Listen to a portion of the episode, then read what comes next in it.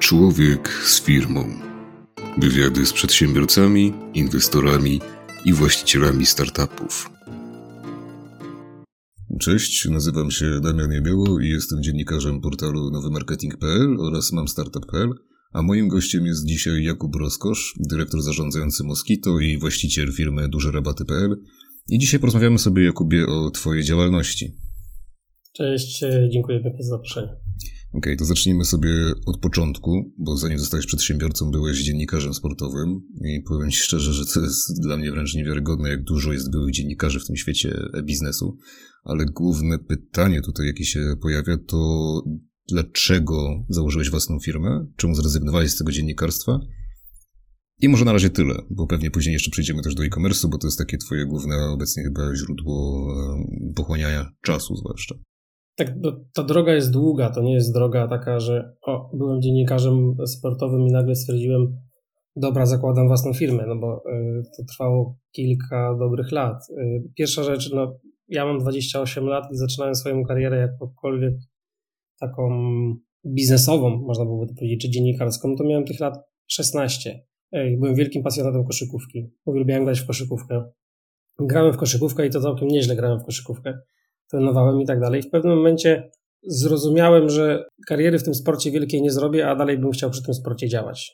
I to była dla mnie główna motywacja, czyli pasja. I robiłem wszystko w tym kierunku, aby znaleźć swoją drogę, żeby cały czas być przy koszykówce, a móc jakoś przy niej zarobkować, jakkolwiek przy niej funkcjonować, jakkolwiek, nie wiem, działać i, i się rozwijać przy tym sporcie, a dróg tam jest wiele. Agent koszykarski, trener, specjaliści jacyś od, od treningu i tak dalej, no ale na tym się nie znałem, więc, więc, więc droga padła tutaj na, na dziennikarstwo sportowe, tym bardziej, że miałem lekkie pióro, lubiłem pisać, lubię pisać, lubię opowiadać, lubię rozmawiać, więc, więc to była taka naturalna droga.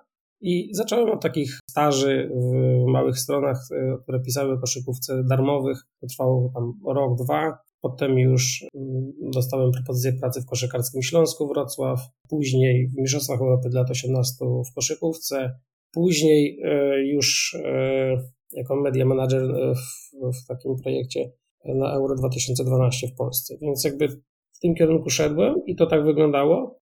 I potem właśnie to też pokazuje, dlaczego wielu tych, tych ludzi, dziennikarzy sportowych gdzieś idzie w kierunku internetu, bo oni trochę byli siłą w tym kierunku wpychani. I tak było w moim przypadku. W pewnym momencie, gdy ten świat mediów społecznościowych zaczął się dość mocno rozwijać, ja w kilku tych firmach gdzieś współpracowałem, pisałem jakieś teksty, czy jako stażysta w tym klubie sportowym, to dostałem informację, Kuba może zająłby się tym Facebookiem, Kuba może zaczął, zająłby się tymi social mediami, a może tym internetem, może tą stroną internetową byśmy zrobili. I to były czasy, kiedy się tak naprawdę dość mocno tam zaczęło w Polsce rozwijać, bo te kluby miały co najwyżej stronę internetową i nic więcej. Więc to zac zaczęły być takie czasy, w których jacyś media managerowie czy dziennikarze sportowi często też e, szli w kierunku social mediów. No a potem, jak już to doświadczenie było w kierunku social mediów dość, mocno, dość, dość mocne, bo tych fanpage czy stron na Facebooku zacząłem zakładać wiele, no to, no to inne ścieżki się gdzieś pootwierały. I jedną z takich ścieżek, to już tak wielkim, ogromnym w skrócie, zawsze też jak mówię, dla mnie podstawą było to, aby pracować przy pasji, a inną z, z moich pasji były zegarki, moda męska, krawiectwo i, i tego typu takie klimaty. Tym się interesowałem bardzo. Czytałem dużo na ten temat i gdzieś taką w młodym wieku 18 lat gdzieś taką pasję w sobie odkryłem no to była propozycja prowadzenia bloga dla jednego już z nieistniejących multibrandów z luksusową odzieżą włoską. No i przyjąłem tę propozycję pracy i step by step, step by step zacząłem się rozwijać w branży totalnie innej, a punkt zaczepienia był taki, że po prostu przyszedłem jako osoba, która ma doświadczenie mediowe, blogowe, social mediowe. Więc taka droga, droga dość długa. Później jeszcze tak, ja to na wiele etapów, na wiele, zawsze się rozwijałem na wielu różnych y, nie, nie zamykałem sobie dróg, nie paliłem sobie mostów, więc robiłem jedno, koszykówką dalej się interesowałem, dalej pisałem teksty o koszykówce, dalej prowadziłem jakieś fanpage o tym, dalej prowadziłem inne fanpage, strony, strony na, na, na Facebooku i jakieś inne social media w ogóle dla innych marek. Zacząłem to oferować jako usługi takie powiedzmy dodatkowe, na których zarabiałem. Nawet jakaś była strona e, e kosmetyczna, jakieś w ogóle totalnie tematy mniej interesujące, ale wykorzystujące tylko moją wiedzę dotyczącą aktualnie kanału prowadzenia tego. I, i, i tak, to, tak to w sumie u mnie w wielkim, skrócie, w wielkim skrócie wyglądało. Po jakimś czasie, jak już tam gdzieś wszystko zaczęło się lepiej rozwijać, no to przejąłem magazyn koszykarski, w sumie największy w Polsce, jedyny w sumie wychodzący do druku wówczas, MVP magazyn. Naprawdę dalej jestem tego właścicielem i tak w sumie z pasji prowadzę ten projekt. No, rozumiem. Czyli wygląda na to, że byłeś taką, stałeś się taką troszeczkę jednoosobową agencją marketingową przez pewien czas. Trochę tak, tylko to były projekty, pamiętajmy, małe, na małą skalę, firmy z małymi potrzebami. Ja byłem, e, e, studiowałem, sobie pracowałem, miałem super pracę, bo, bo zawsze też była praca przy komputerze, praca zdalna, więc to dawało wiele możliwości. No, nie musiałem tracić czasu, mogłem poświęcać się na, na inny rozwój, robić inne rzeczy i jeszcze przy okazji nieźle zarabiać, utrzymywać się samemu w młodym wieku, tam 18, 19, 20 lat.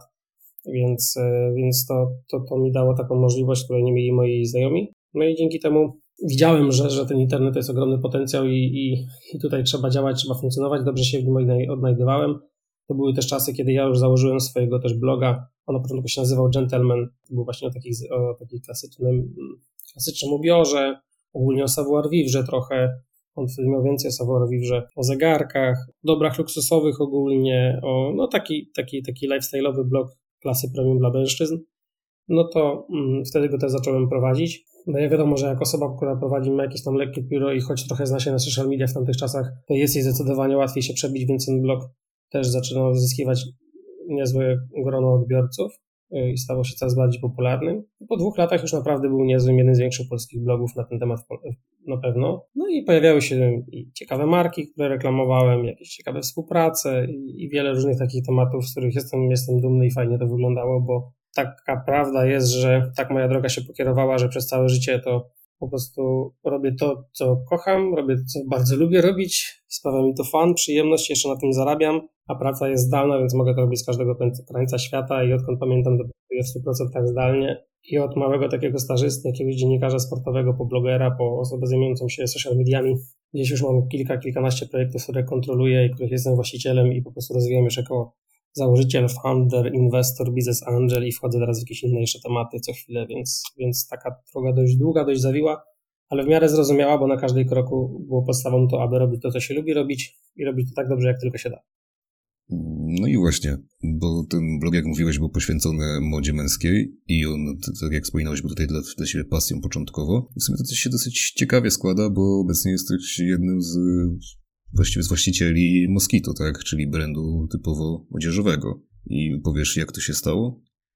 Tak, no ta droga to nie była droga modowa. To nie poszło tędy, to poszło e-commerce'em, że tak powiem, czyli no, to już jest o kilka lat dalej znowu. No, właścicieli to może dużo powiedziane. Teraz co prawda akurat jesteśmy na przykład w trakcie przekształcenia spółki, będę tam mniejszościowym udziałowcem, ale to są powiedzmy skromne udziały, jestem dyrektorem zarządzającym w sumie tak, no jeden z, z właścicieli aktualnie, ale, ale, to nie chciałbym, żeby to jakoś tak bardzo dużo wybrzmiało, bo jestem daleki od, od, od omówienia tego o, o sobie w ten sposób. No wyszło to w ten sposób właśnie, że w pewnym momencie już działania w internecie coraz bardziej szedłem w kierunku e-commerce'u, widziałem, to jest przyszłość handlu, przyszłość sprzedaży i zacząłem się w tym temacie edukować. U mnie to wyszło od tego, że po prostu oferowaliśmy niektórym markom jakieś działania na Facebooku i, i tak jak mówisz, takiej małej agencji y, mediowej. No te, wiadomo, no, klienci coraz częściej dopytywali jakieś takie formy płatne, jakieś tego typu działania, tego typu reklamy. No i myśmy to brali, więc mieliśmy jakiś taki mały team, który się tym zajmował. No i tak, ja gdzieś w pewnym momencie przy tym Moskito się pojawiłem, bo, bo byli jeden z moich klientów na, na po prostu działania reklamowe. No i gdzieś tam od rozmowy jednej, drugiej, trzeciej, czwartej gdzieś jakiś taki wspólny, wspólny język znaleźliśmy. Zaczęliśmy się tam porozumiewać. No i 3-4 lata temu, już bardziej 4, tak zaoferowano mi, żebym był takim doradcą, który będzie wspierał ich we wszystkich działaniach w internecie. No takiego doradcy, który gdzieś z boku stoi, to tak się zaczęło ewoluować w kierunku osoby, która pracowała, mm, zajęła się w ogóle całym e-commerce'em, zaczęła budować tam team. No i potem zaoferowano mi właśnie już procent od tego, co robimy, jak robimy, jak działamy i po prostu zajmuję się teraz całkowicie Moskito e-commerce'em, a główni właściciele, którzy zakładali tę firmę, ogarniają produkcję, a ja, a ja sprzedaż w internecie. Moskito to jest marka, która tylko sprzedaje w internecie. I na swoim blogu piszesz, że to w sumie jest jeden z największych e-commerce'ów w Polsce. Co to dokładnie znaczy? Możesz się pochwalić jakimiś wynikami? Pierwsza rzecz jest taka, że Moskito jest cały czas marką należącą do założycieli, więc to też trzeba sobie tutaj podkreślić. To jest 11 lat działająca marka na polskim rynku.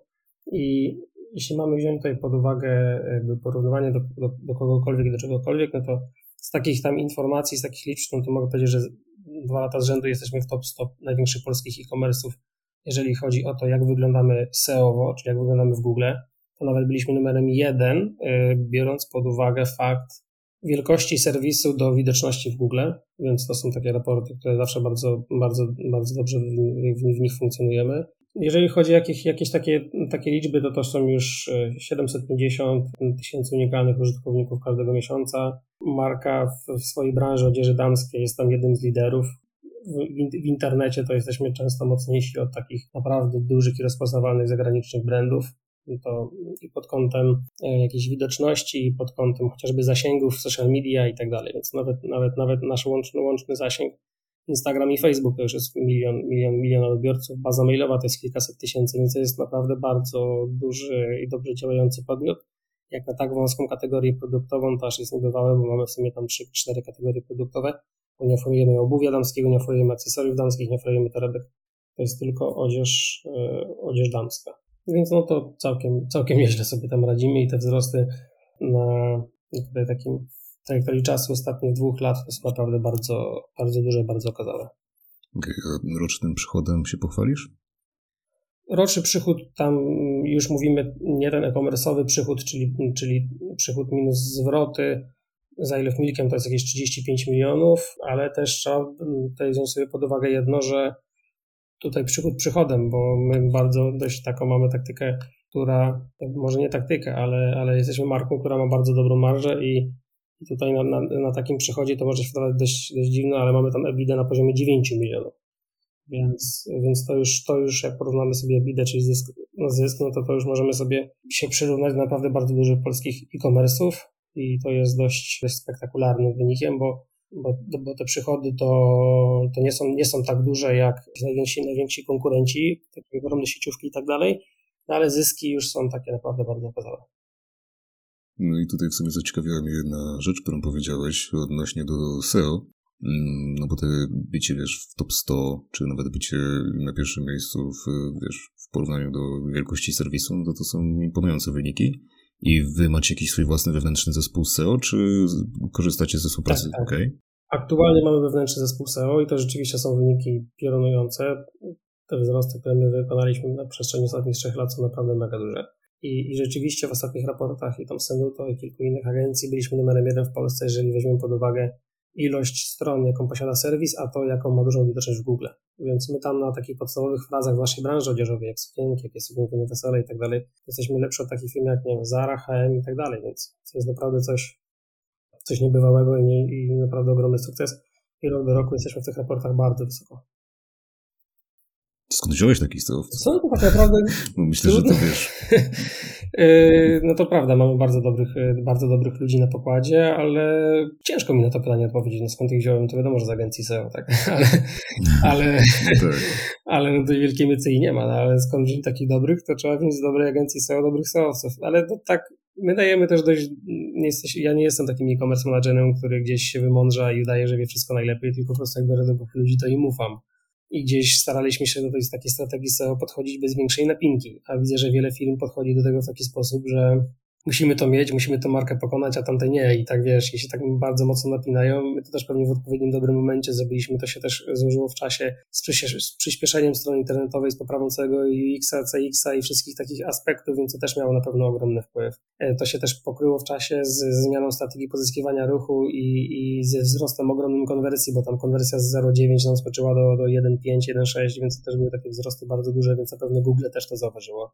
I też jest czterech czynników dookoła i ja uważam, że aktualnie SEO to nie jest tylko, że SEO, który tam gdzieś pozyskuje linki i optymalizuje stronę internetową, tylko jakby wynik SEO to jest składowa pracy całego teamu i i to trochę tak zaczyna gdzieś być widoczne, bo ta szybkość strony też ma ogromne znaczenie, a wiadomo, że już SEOwiec przy tej szybkości aż tak dużo nie pracuje jak pewnie deweloper, tak? Więc, yy, więc tych zmiennych jest tam wiele i, i, i, w sumie nie znam tego algorytmu aż tak doskonale, żeby móc się na ten temat tutaj wypowiadać i mądrzeć, co, co zrobiliśmy, a czego nie zrobiliśmy i co miało największy wpływ, bo sami tego do końca nie wiemy. Ale okay. analizowaliśmy te raporty co dwa, trzy dni, patrzyliśmy sobie, co tam się zmienia, co się zmienia, jak tylko coś nowego wychodziło na temat naszej strony i tak dalej, to szybko na to reagowaliśmy, szybko to robiliśmy, więc myślę, że ten czas reakcji to był kluczowy. zaufanie, świadomość tego, że robimy to dobrze i gdzieś ten efekt jest naprawdę piorunujący. I jak my tam zeszliśmy czterokrotnie w SEO w perspektywie roku, no to to też były wyniki, które, które miały na pewno wpływ na to, że Moskito też zaczęło w pewnym momencie rosnąć. Oczywiście powyżej jakiegoś sufitu już nie, nie, nie wyrośniemy, no bo musielibyśmy poszerzać kategorie produktów na produkty, o których się albo nie znamy, albo na razie nie chcemy w nie wchodzić i tak dalej, na przykład jakieś obuwie, czy akcesoria, dodatki, to też nie jest takie łatwe. My jesteśmy pozycjonowani jako marka odzieżowa od wielu, wielu lat, która specjalizuje się w sukienkach, w dresach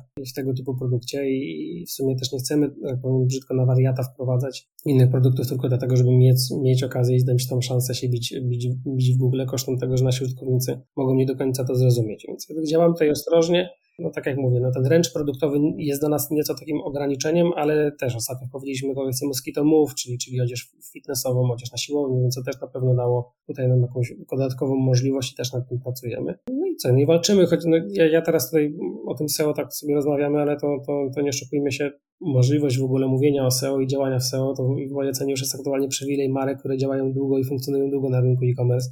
Bo sobie nie wyobrażam, że teraz odpalamy taką firmę jak Mosquito z takim samym brandem produktowym i jako SEO, SEO gdzieś wysoko w swojej strategii działania umieszczamy, bym takiej decyzji nie podjął nigdy, nie? Bo, bo, bo raz, że coraz trudniej, dwa, że coraz mniej opłacalne, trzy, że te efekty no, nie wiadomo kiedy przyjdą i czy kiedykolwiek przyjdą i, i też miałem okazję boleśnie przekonać na innej mojej stronie, jak to działa, więc no tutaj mieliśmy tą możliwość, więc to wykorzystaliśmy i gdzieś po prostu cisnęliśmy z tym SEO, no bo, no bo widzieliśmy, że jesteśmy tam dość do, dobrze, dobrze przez Google traktowani i fajnie oceniani więc trudno, no szkoda byłoby tego nie wykorzystać, ale w przypadku młodych, nowych e-commerce'ów to bym się 10 razy zastanowił, czy w ogóle w tym kierunku przez pierwsze lata patrzeć. Oczywiście stronę należy dobrze zoptymalizować i dobrze działać, żeby dobrze działała i żeby była jak najlepiej pod kątem użytkownika przygotowana. I tak, i, i czasami może się okazać, że to SEO jest jakimś takim efektem ubocznym, może trochę, chociaż, chociaż troszkę, no ale bym się jakoś na to wybitnie nie nastawiał i jakoś tutaj tego kanału mocno nie priorytetyzował.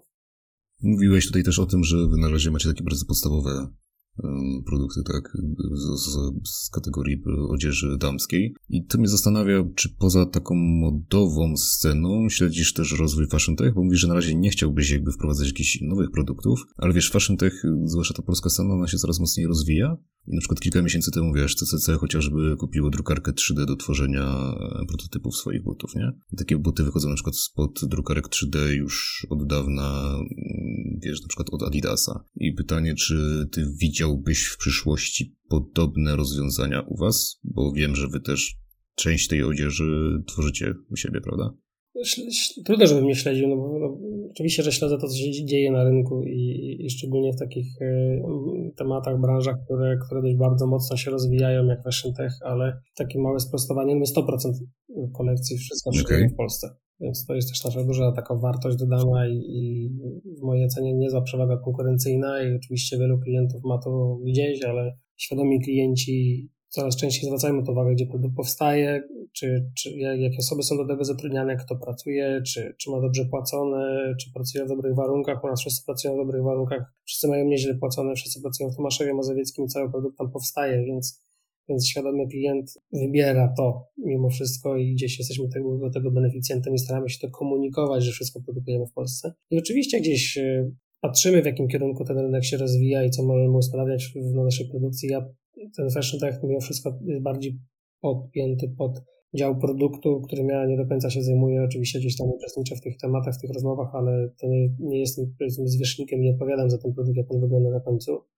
Ale mm, jest bardzo ciekawe, bo bardzo ciekawe to było właśnie CCC, ale CCC też kilka dni czy tygodni temu też w Express Delivery nabyło jakąś, jakieś, jakieś udziały i też właśnie to mnie bardziej interesowało, kładzie nacisk na bardzo szybką dostawę, nawet do 30-40 minut słyszałem, że chcą tam zejść na terenie dużych miast, to jest co najmniej wariac, wariactwem, jak teraz się bierze pod uwagę e, czas dostawy w wielu innych markach.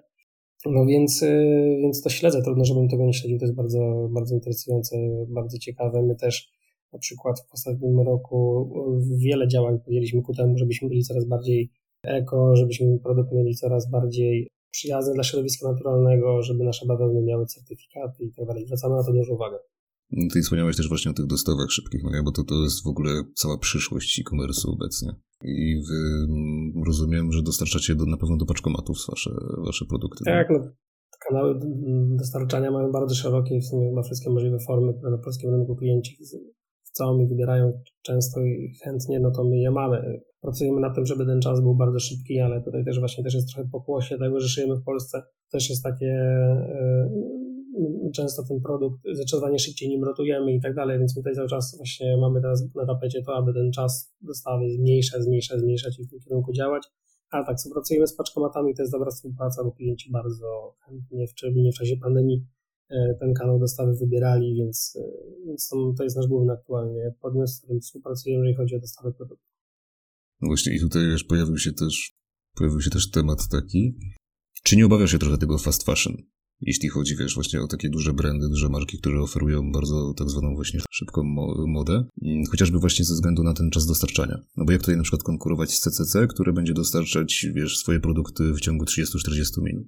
No to jest wyzwanie dla takich małych marek, jak, znaczy małych, no jednak CCC to jest gigant, Modivo, Buvie i tak dalej, są, to są giganci czy Zalando, więc oni dyktują te trendy, my musimy obserwować, co, co oni robią na tym rynku jak, jak się na ich tle wyróżnić. Moskito jest z jednej strony już dalej monobrandem, ale nie należymy do żadnej grupy, nie mieliśmy żadnej rundy finansowania i, jakby cały czas jesteśmy w rękach założycieli, tak? Więc trudno by było, gdybyśmy jakby na rynku się od razu porównywali do, do takich topowych firm, takich topowych gigantów i tego nie robimy, bo że ten ręcz produktowy nie pozwala dwa. Dwa, oni są zdecydowanie, zdecydowanie więksi, więksi od nas, no ale śledzimy to, patrzymy co, co oni robią, no i staramy się raz co najmniej dawać użytkownikom to samo, co co e, liderzy rynku oferują, a z drugiej strony pokazać jakieś e, rozwiązania, które na tle, na tle których możemy się wyróżnić. Akurat my mamy te, trochę taką przewagę nad tymi dużymi graczami, e, że my zdecydowanie szybciej reagujemy na produkt, więc my jesteśmy bardziej fast fashion. Um, oczywiście nie gonimy za tym, żeby ta kolekcja się zmieniała co dwa dni i tak dalej, i tak dalej, bo moglibyśmy to robić womyślnie we, we własnych rękach, zaraz obok magazyn, sami szyjemy i, i w sumie od momentu wymyślenia produktu do momentu dodania go na stronę mijają u nas trzy dni, co jest praktycznie nierealne u każdego innego naszego konkurenta, bo on musi to kontaktować albo w Chinach, albo w Turcji, albo w Bangladeszu, gdziekolwiek jeszcze indziej i zanim to przypłynie, zanim to będzie, to są często półroczne kontraktacje na pół roku do przodu, a my możemy na przykład lecieć w trendzie i ten produkt ludziom dostarczać w sumie po dwóch, trzech, czterech dniach od momentu, kiedy my go wymyślimy, więc to jest ogromna dla nas zaleta, bo jesteśmy zdecydowanie bardziej elastyczni. W sumie tutaj byśmy już zostawili może na chwileczkę tę modę, bo to nie jest w sumie jedyna twoja działalność. Zajmujesz się także marketingiem afiliacyjnym i służyłeś platformę duże rabaty.pl i powiesz nam tutaj, jak ona dokładnie działa? To było zdecydowanie w ogóle przed, y, przed Moskitą. Okay. Ta platforma wyszła w tym kierunku i główną motywacją ku temu, żeby założyć tę platformę, to się też może trochę pokaże cały ten taki może mój sposób myślenia to było to, że ja posiadałem wiele już stron, fanpage na Facebooku, działałem z influencerami, czyli miałem kontakt do osób, które mają bardzo duże zasięgi. I też prowadziłem bloga o, o modzie męskiej, jak rozmawialiśmy już wcześniej. I ten blog całkiem nieźle zarabiał na marketingu afiliacyjnym, ale dlatego też nieźle zarabiał, bo miał drogi produkt, e, ja byłem, miałem dużą wiarygodność, jak pisałem o tym produkcie, na przykład o jakichś dobrych zegarkach, porównywałem je, jak ktoś kliknął przez mój link i kupił, to, dokon, to dokonywało się tam jakaś transakcja. No i ja dostawałem wtedy prowizję, więc mi to tak się trochę otworzyło umysł i zacząłem myśleć trochę innymi kategoriami. Myślałem sobie, a co jeśli miałbym takich kubów rozko Jakubów Rozkoszów 20, e, takich blogerów i ręcz produktowy zdecydowanie szerszy niż tylko zegarki. I to była moja pierwsza motywacja. Ten marketing afiliacyjny ma ogromny potencjał. No i to jest, to jest, to jest jedna taka moja motywacja i gdzieś zacząłem kombinować, mm, szczególnie w okresie tam grudnia, kiedy ludzie kupują dużo prezentów. Miałem naprawdę bardzo ładną prowizję tylko na moim blogu, tylko z moich własnych kanałów ze sprzedaży. No i to mi trochę otworzyło oczy. No i zacząłem działać nad platformą. Myślałem o tym, jakąś platformę trzeba by było zrobić, z i to była moja główna taka motywacja, że mógłbym i z mojego bloga, i z MVP Magazyn, czyli z totalnie dwóch innych kanałów, które prowadziłem, MVP Magazyn czy magazyn koszykarski, z bardzo dużymi zasięgami na Facebooku, e, z bardzo dużymi zasięgami na stronie internetowej, tam są setki tysięcy unikalnych użytkowników w miesiącu, od 100 tysięcy, e, fanpage na Facebooku 90 tysięcy, ale bardzo dużym zaangażowaniem. Mówię sobie, społeczność niewykorzystana i też chciałem, żeby można było ją wykorzystać do tego, żeby, żeby ten ruch stamtąd przekierować na jakąś stronę i z moich kanałów, jakichkolwiek innych wszystkich i we wsparciu z innymi influencerami. I tak myślałem o tym, że to musi być jakaś totalnie inny, oddzielny, samodzielny podmiot i powstały duże rabaty. Bootstrapowałem to na starcie, no, no, totalnie jakby tak nie miałem wobec tego podmiotu dużych jakichś takich ogromnych planów, to po prostu miało gdzieś pomóc mi zarabiać na kanałach, które już posiadam. no gdzieś to zaczęło się całkiem przyjemnie rozwijać i od tam 100-150 marek ofercie, które mieliśmy na samym starcie, teraz mamy 900, o ile się nie mylę. Team kilku, kilkunastoosobowy, ludzi, którzy gdzieś tam siedzą i pilnują tego. I to tak jest aktualnie e, samograjem na rynku afiliacyjnym, afiliacyjnym w Polsce. No i no to, to jest bardzo trudny rynek, naprawdę. To, to domyślam się mega trudny rynek, no po prostu aż czasami to mi ręce opadają, jak tam jest trudno znaleźć odpowiednią strategię działań. To brzmi fajnie, że nie magazynujesz towaru, to brzmi fajnie, że, e, że nie masz tej całej logistyki za sobą i nie musisz tego towaru wysyłać, ale sprzedać produkt to jest właśnie cała największa sztuka, a ty go sprzedajesz i zarabiasz na tym mało, plus konkurencja jest bardzo duża, no jest naprawdę niezła jazda. My szukamy różnych kanałów, gdzieś tam jesteśmy mocni w social mediach, na Instagramie, mamy, mamy fajny profil i tak dalej i gdzieś walczymy o to, ale to jest, to jest, nie ukrywam, że bardzo trudny kawałek chleba i w mojej ocenie zdecydowanie prostsze jest, łatwiejsze prowadzenie standardowego e-commerce'u, bo chociaż jesteś w stanie, tutaj niby teoretycznie możesz reklamować od Mercedesa po, po wafelki Grześki, ubiór możesz reklamować drogie garnitury i z drugiej strony buty CTC, ale na koniec, na koniec dnia to masz wszystko, wszystko na stronie i nic, to jedno, a dwa, koniec dnia jakby, no wiadomo, potencjał jest przeogromny, tylko wykorzystanie tego potencjału i, i skalowanie tego na, na, na, wszystkie możliwe branże i tak dalej, to jest szalenie kosztowne i często, często mimo wszystko też nieopłacalne. Więc cały myk polega na tym, żeby ten, ta afiliacja działała wtedy dobrze i, i kiedy mamy dużo ruchu organicznego, za który po prostu nie musimy płacić, bo biorąc pod uwagę fakt, jak drogi jest ruch w internecie, to coraz mniej się opłaca go pozyskiwać na strony, które działają w modelu afiliacyjnym. Ale zauważyłem, że przynajmniej w świecie influencer marketingu, że ten, wiesz, marketing afiliacyjny stał się tak mniej więcej rok, półtora roku temu cholernie popularny, bo bardzo dużo, wiesz, youtuberów chociażby zaczęło reklamować się jakieś tak mniej więcej właśnie półtora roku temu Leti Shops. Później uh-huh. przerzucili się na alerabat.com i jeszcze tam jakieś wiele, wiele innych różnych sieci, wiele różnych platform. No to tak naprawdę My przed Lety Shops byliśmy 3 lata, 2-3 lata przed, wcześniej. My współpracowaliśmy z największymi influencerami z, w sumie z Teamu X i w ogóle z największymi influencerami, tylko my robiliśmy to głównie na, na Instagramie i nie wchodziliśmy na YouTube'a. Więc to my tam działaliśmy z największymi z Lexi, z Natsu i tak dalej, z naprawdę gigantami na polskim rynku i, i dalej z nimi działamy. Więc byliśmy sporo, sporo wcześniej, nie? Tylko to wiesz, no na koniec taki influencer to też jest, że taki zasięgowy jest bardzo drogi to, czy skonwertuje często, to też jest zagadka. Chyba, że ci przerwę, ale nie sądzisz, że te nazwiska przynajmniej, znaczy te ksywki bardziej, które wymieniłeś obecnie, to, to nie jest to taka troszeczkę kula u nogi? Bo wiesz, jakby mm, no tam się... Znaczy jest, oczywiście. My, my, też patrzyliśmy na to trochę co innego, no bo my dobieramy zawsze e, influencera pod to, co mamy promować. Jak mamy tam kody AliExpress czy tego typu rzeczy, no to też nie będziemy po to śpiewaka operowego brać. Nie?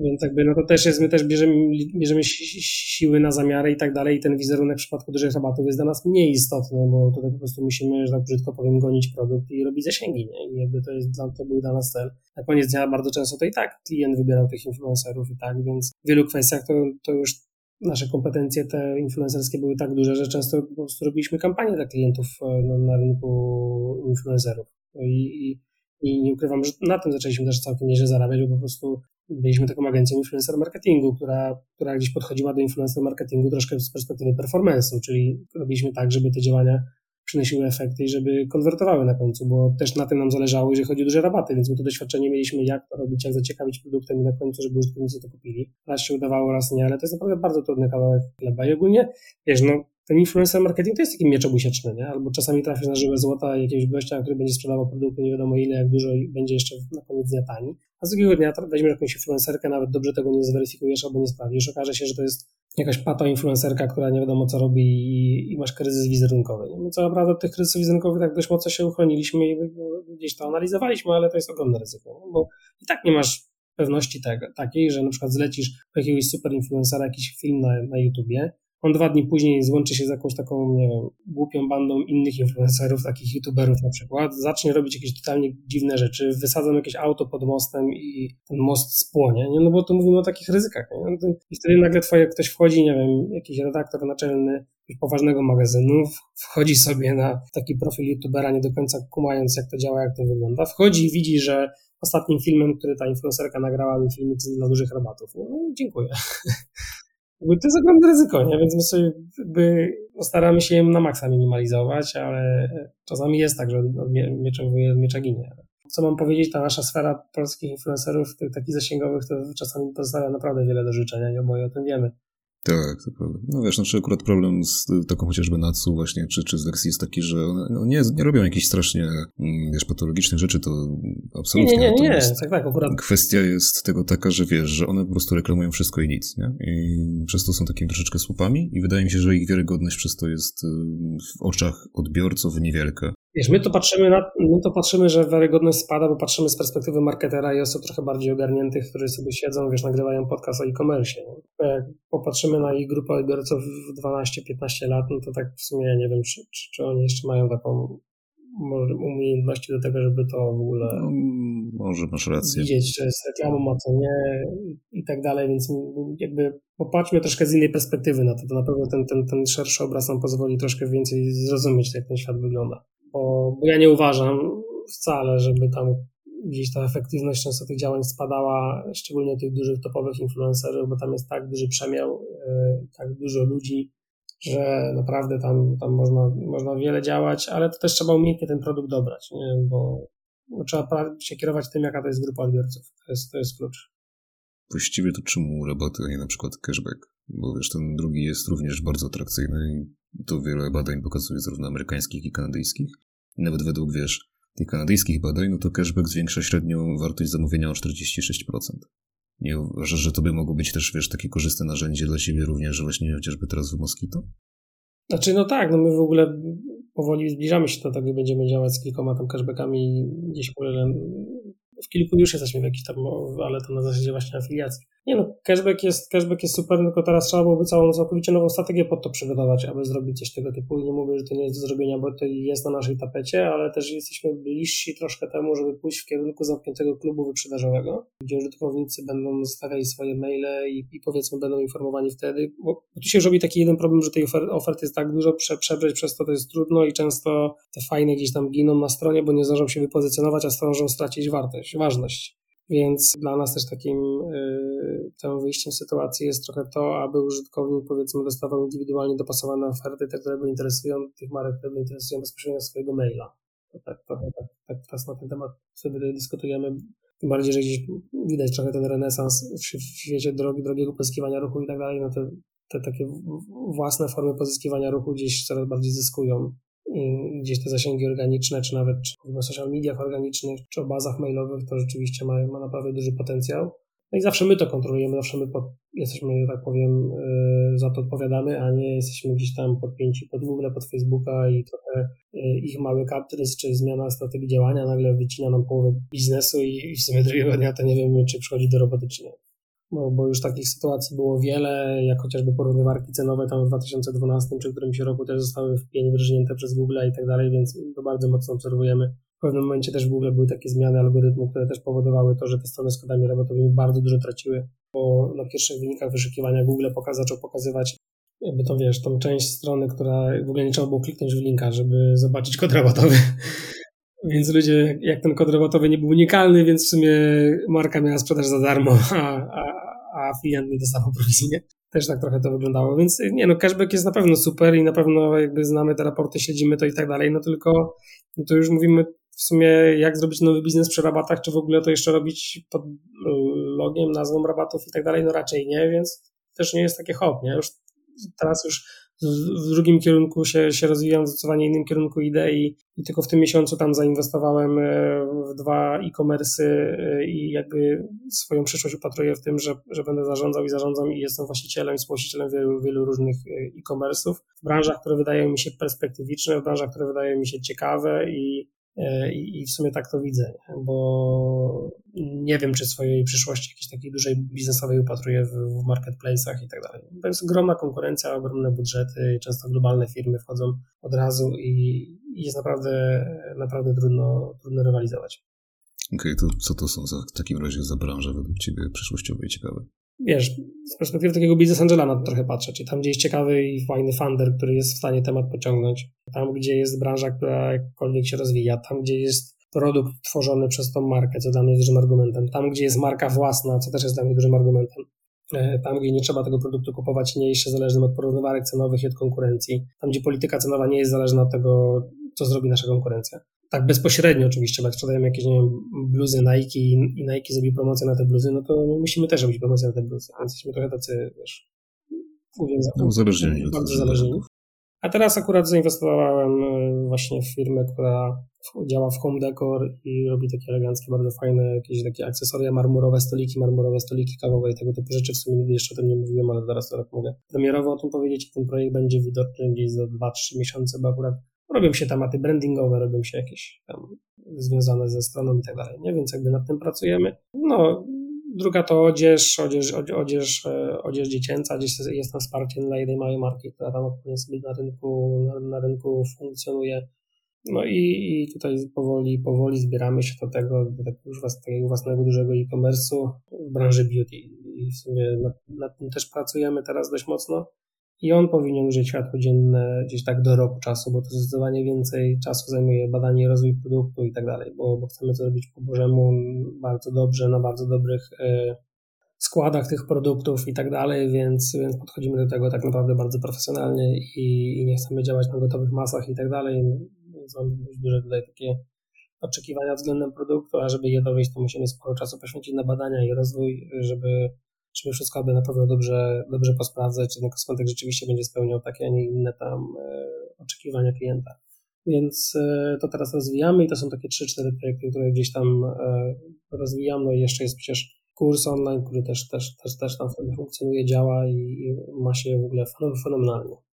Do tego kursu na pewno jeszcze wrócimy, ale ja tutaj bym chciał jeszcze poruszyć jeden wątek, który ja uważam za przyszłościową branżę e-commerce i to jest e-grocery. Czyli wiesz, po prostu żywność, delikatesy online. Nie? Czy tak, no ogólnie ostatnio na, na Instagramie ktoś mnie spytał, w jakie branże wchodzić na pewno w internet, e, do internetu, jak, jak funkcjonować, no to jako pierwsze podałem mi grocery i jakieś tam potem jeszcze kilka innych wymieniłem, które, które też są na pewno bardzo mocno perspektywiczne, ale tak, to, to ta branża ma przecież ogromne wzrosty i w ogóle rośnie więcej niż ogólnie cały e-commerce, więc to pokazuje, to już wiele mówi, to już wiele pokazuje. No i ja się już w ogóle zastanawiam, czy za 5 lat w ogóle ten, ten, jak ten handel w ogóle będzie wyglądał taki tradycyjny, czyli mm, w dużych, w dużych miastach mi się, mi się wydaje, że po prostu już będą chłopaczki na rowerach jeździć i, i my za bardzo po tych ulicach nie będziemy chodzić, żeby, żeby kupować pieczywo, czy żeby kupować banana, nie? Bo to jest mega ciekawe, tym bardziej jeszcze biorąc pod uwagę fakt, jak się rozwija cała branża tych jedzenia pudełkowego, inwestycja żabki i tak dalej, nie wiem co, w jakim kierunku to idzie do gotowych posiłków, restauracje jak się nauczyły ogarniać mega dobrze wynosy,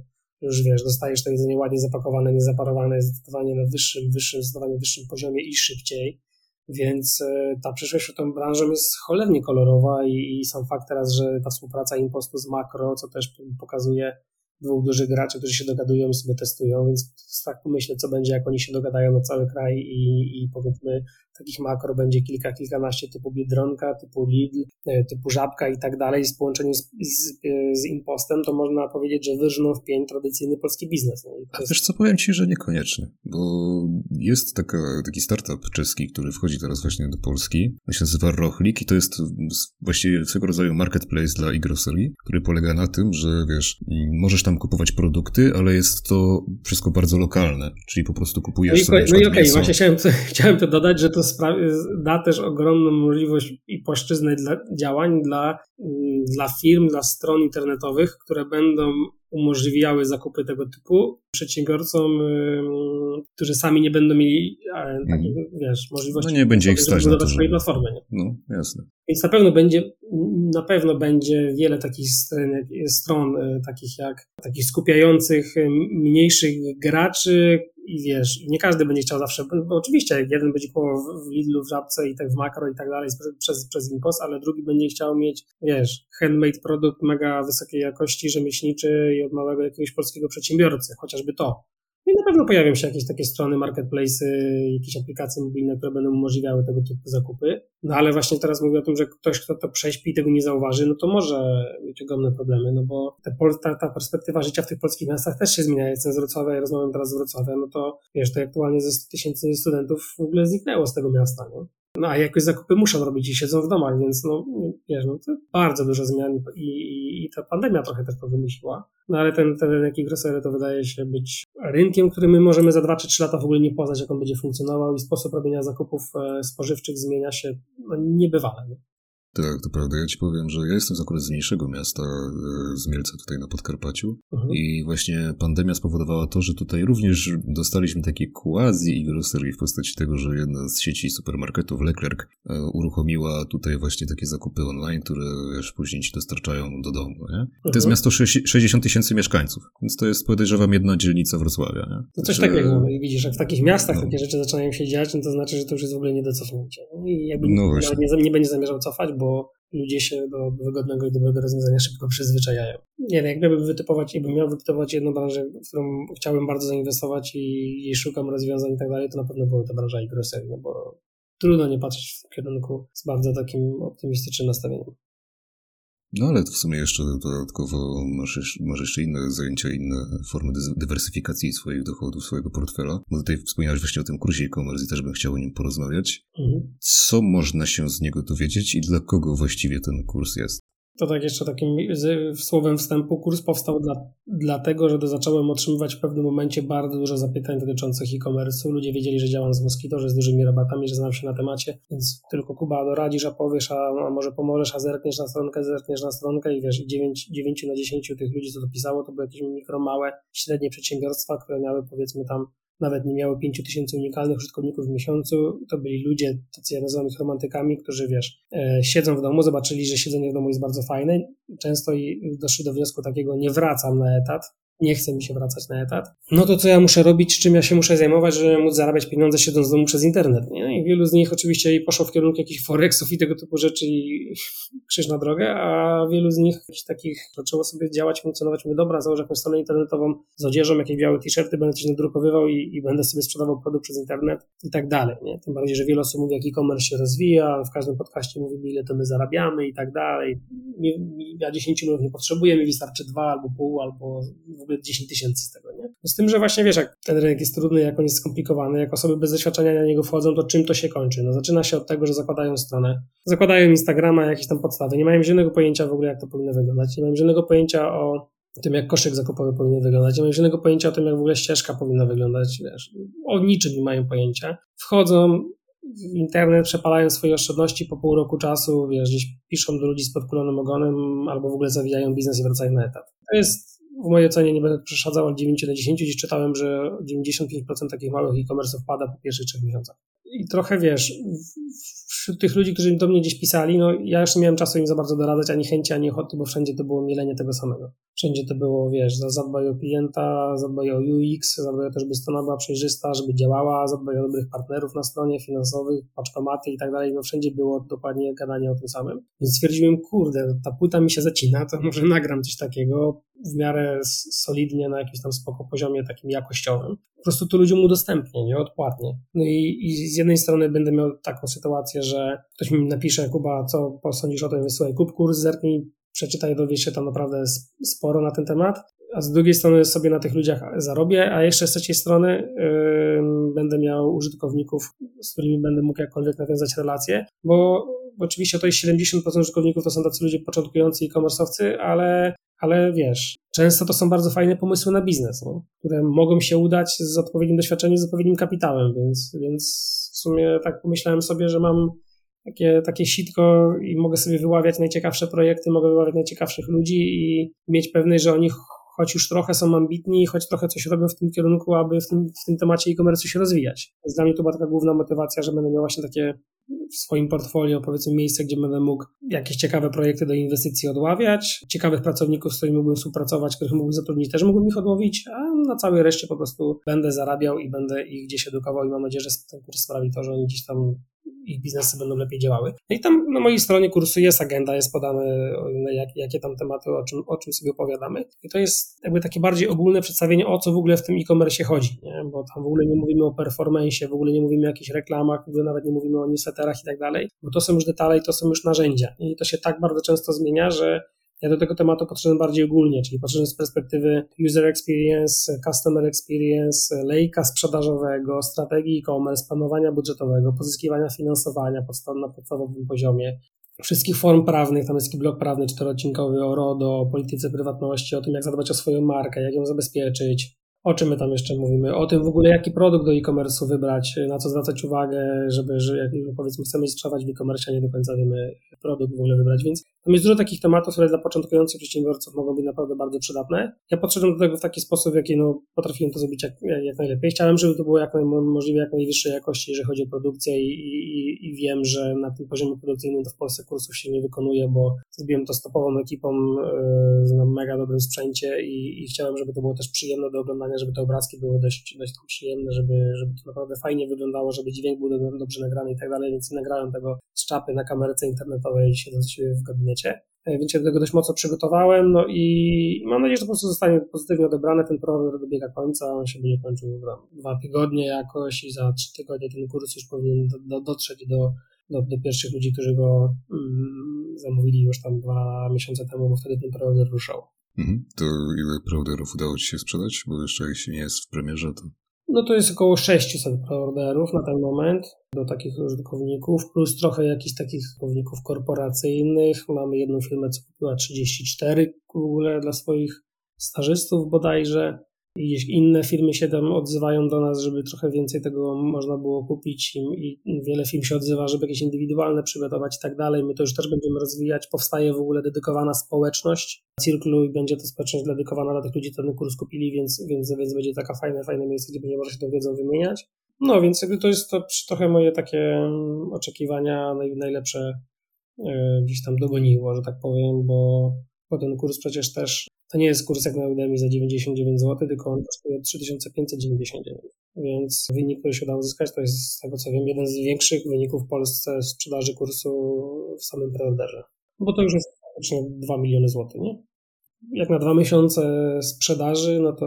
No, to, no myślę, że bardzo dobry wynik, to nie ulega wątpliwości. ja tak patrzę na to, że to jest finansowo bardzo dobry wynik. E, dla mnie też super, bo, bo jednak ta grupa tych odbiorców jest tam kilkaset ludzi, którzy rzeczywiście chcą, chcą coś z tym tematem zrobić. Oczywiście trzeba ją sobie podzielić na A przedsiębiorców, którzy już mają e-commerce, na B na firmy, na młodych ludzi, którzy chcą działać w e-commerce, ale bardzo ciekawe jest, bo mam taką grupę na Facebooku o e-commerce, ten e-commerce tam 4,5 tysiąca, 4700 osób przy tej grupie.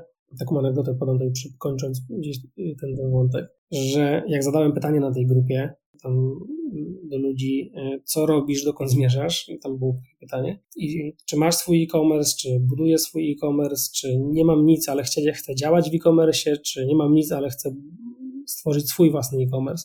Z 65% jak nie więcej osób, a jak biorąc pod uwagę tylko tych młodych, czyli 25 do 25 roku życia, to z 80% ludzi zaznaczyło opcję, wiesz, chcę mieć swój własny sklep internetowy.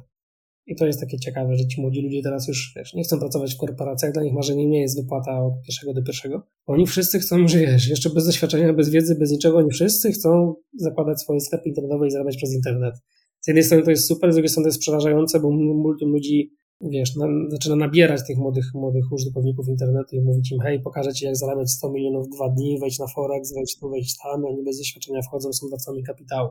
I multum też takich kursów e-commerce'owych też powstaje w ten sposób i wiesz, ja, ja sobie robiłem dość duży research przeczytam tego kursu i ja zawsze miałem taki problem, bo sporo osób mówiło, Kuba, zrób swój kurs, zrób swój kurs. Ja mówię, nie, nie będę się pozycjonował jako jakiś gościu, który robi kursy, jak jakiś wariat, który robi sobie foty na tle jakichś tam wypożyczonych samochodów i mówi ludziom, jak zarobić pieniądze. I często jest tak, że, że ten wizerunek tych takich ludzi, co robią te kursy, to są zazwyczaj osoby, które jedynym biznesem jest to, że robią kursy. Ja mówię, nie chcę być tak pozycjonowany, nie chcę, żeby ktokolwiek kiedykolwiek na mnie tak spojrzał, nie? No ale mówię, na ciebie tak nie spojrzą, bo ty masz jakieś tematy, masz jakiś biznes i to mnie trochę przekonało ku temu, że jak będę to pozycjonował, będę prosto z mostu mówił, że ten kurs jest dla ludzi ambitnych, którzy będą jeszcze gotowi ku temu, żeby dużo się tam rozwijać, dużo nowatek sobie porobić, czytać na ten temat mocno. Tam nie ma drogi na skróty, nie ma jakiejś roadmapy pokazanej, nie ma jakichś gotowych formularzy typu pobierz formularz i uzupełnij swój budżet, bo to tylko uczy ludzi takiego bezmyślnego podejścia do tematu, a to trzeba właśnie mega głową ruszać, żeby w e-commerce mm, ten sukces odnieść. Tam nie ma żadnych schematów, żadnych takich dokumentów do pobrania, pobierz darmowe RODO i tak dalej, tego u mnie nie ma. Nie? więc, więc troszkę inaczej do tego tematu podszedłem i bardzo, bardzo robiłem wszystko w tym kierunku, żeby ludzie jakkolwiek tego mojego produktu nie porównywali do takich produktów ludzi. Wiesz, ostatnio słyszałem takiego kursu e-commerce'owego, gdzie gościu gadał takie pierdoły i on mówił, pokażę ci jak zarabiać 70 tysięcy. Nie okazało się, że jego e-commerce ma 70 tysięcy przychodu rocznie, nie? On robi kurs o tym, wiesz, jak zarabiać przez internet, gdzie no my 70 tysięcy przychodu to robimy do godziny 15 w Moskwie, to jednego dnia. Tu myślę, że 70 tysięcy przychodu to myślę, że to nie jeden Polak pracujący na etacie w, wcale, wiesz, jakichś niewybitnych korporacji no czy firmach zarabia. Nie? No. I to jeszcze u ciebie, wiesz, u ludzi, którzy zarabiają, siedzą na etacie, na, na standardowym etacie mają 70 tysięcy przychodu, to ten przychód jest w dużej mierze często już prawie że zyskiem, nie? A w takim e-commerce to ten przychód w niskomarżowym to możesz mieć tego zysku 7 tysięcy przy takim przychodzie, więc no, no wiesz, no i mi to, mnie to trochę załamywało i gdzieś patrzyłem jak to wygląda i mocny research robiłem i rzeczywiście zauważyłem, że nie do, nie do końca ktoś taki powiedzmy z doświadczeniem gdzieś robił tego typu kursy i i, i tak myślę sobie, dobra, zrobię, powiem to po swojemu, co, to, co ja bym chciał się dowiedzieć te 3-4 lata temu, żeby właśnie ludzie już nie patrzyli tylko na performance, wiesz, wchodzą, myślą, że tak jak takie się utarło gdzieś, załóż sklep internetowy, wrzuć podstawowe produkty i puść pierwszą reklamę na Facebooku i w Google i coś się sprzedaje to są takie mity i takie głupoty gdzieś są powielane, wiesz, to potem reklamy nie konwertują, nie działają, nie ma w ogóle budowania marki, nie ma budowania zaufania do klienta, jest tylko takie sprzedawanie produktu, no to już to tych ludzi mówią, no to już lepiej sobie załóż konto na Allegro i na Allegro sprzedawaj niż masz, wiesz, bo takie komercje aktualnie w XXI wieku nie zbudujesz pod pandemii, po tym, co się na rynku dzieje, a widzimy oboje, co się dzieje, tak jak rynek się konsoliduje, nie? I myślę, że sobie zakończylibyśmy na tym etapie. Dzięki, że się podzieliłeś tutaj e, wiedzą. Też, Dziękuję wiesz, za zaproszenie. Nie, myślę, że moglibyśmy jeszcze kontynuować tak naprawdę ten wątek kursu, ale wyszłoby na to, że nie było sensu, wiesz, wydawać 3,5 tysiąca złotych, bo w naszym podcaście można byłoby zmieścić wszystko, całą wiedzę Jakuba Rozkosza. no, zale, zależy o czym byśmy opowiadali, ale tak, ale w dużej mierze to, to na pewno tak, jak ktoś jest zainteresowany, to może sobie zobaczyć na agendę i zobaczyć o czym to jest. To nie jest rocket science, tak, żeby sobie wnioskować, czy ten kurs jest dla mnie, czy on nie jest dla mnie, tym mhm. bardziej na tej stronie wiele informacji tam zawarliśmy. Jasne, to Ci bardzo dziękuję, e, Jakubie, za uczestnictwo w moim podcaście i cóż, życzę Ci powodzenia zarówno jeśli chodzi o Moskito, jak i właśnie rabaty, czy też właśnie sprzedaż kursów. Mam nadzieję, że jeszcze się spotkamy, że mm, za jakiś czas zaktualizujesz po prostu ten status sprzedanych kursów. Może tak. jeszcze ich przyrośnie więcej. Dziękuję Ci pięknie za zaproszenie. No, jak najbardziej do usłyszenia. Ja z chęcią zawsze, zawsze porozmawiam z, z mądrymi osobami na fajne tematy, więc, więc mam nadzieję do usłyszenia i jeszcze raz dzięki wielkie za zaproszenie. No to dzięki. Ja Was zapraszam wszystkich na nowy marketing.pl. Nazywam się Damian Niemioło i do usłyszenia.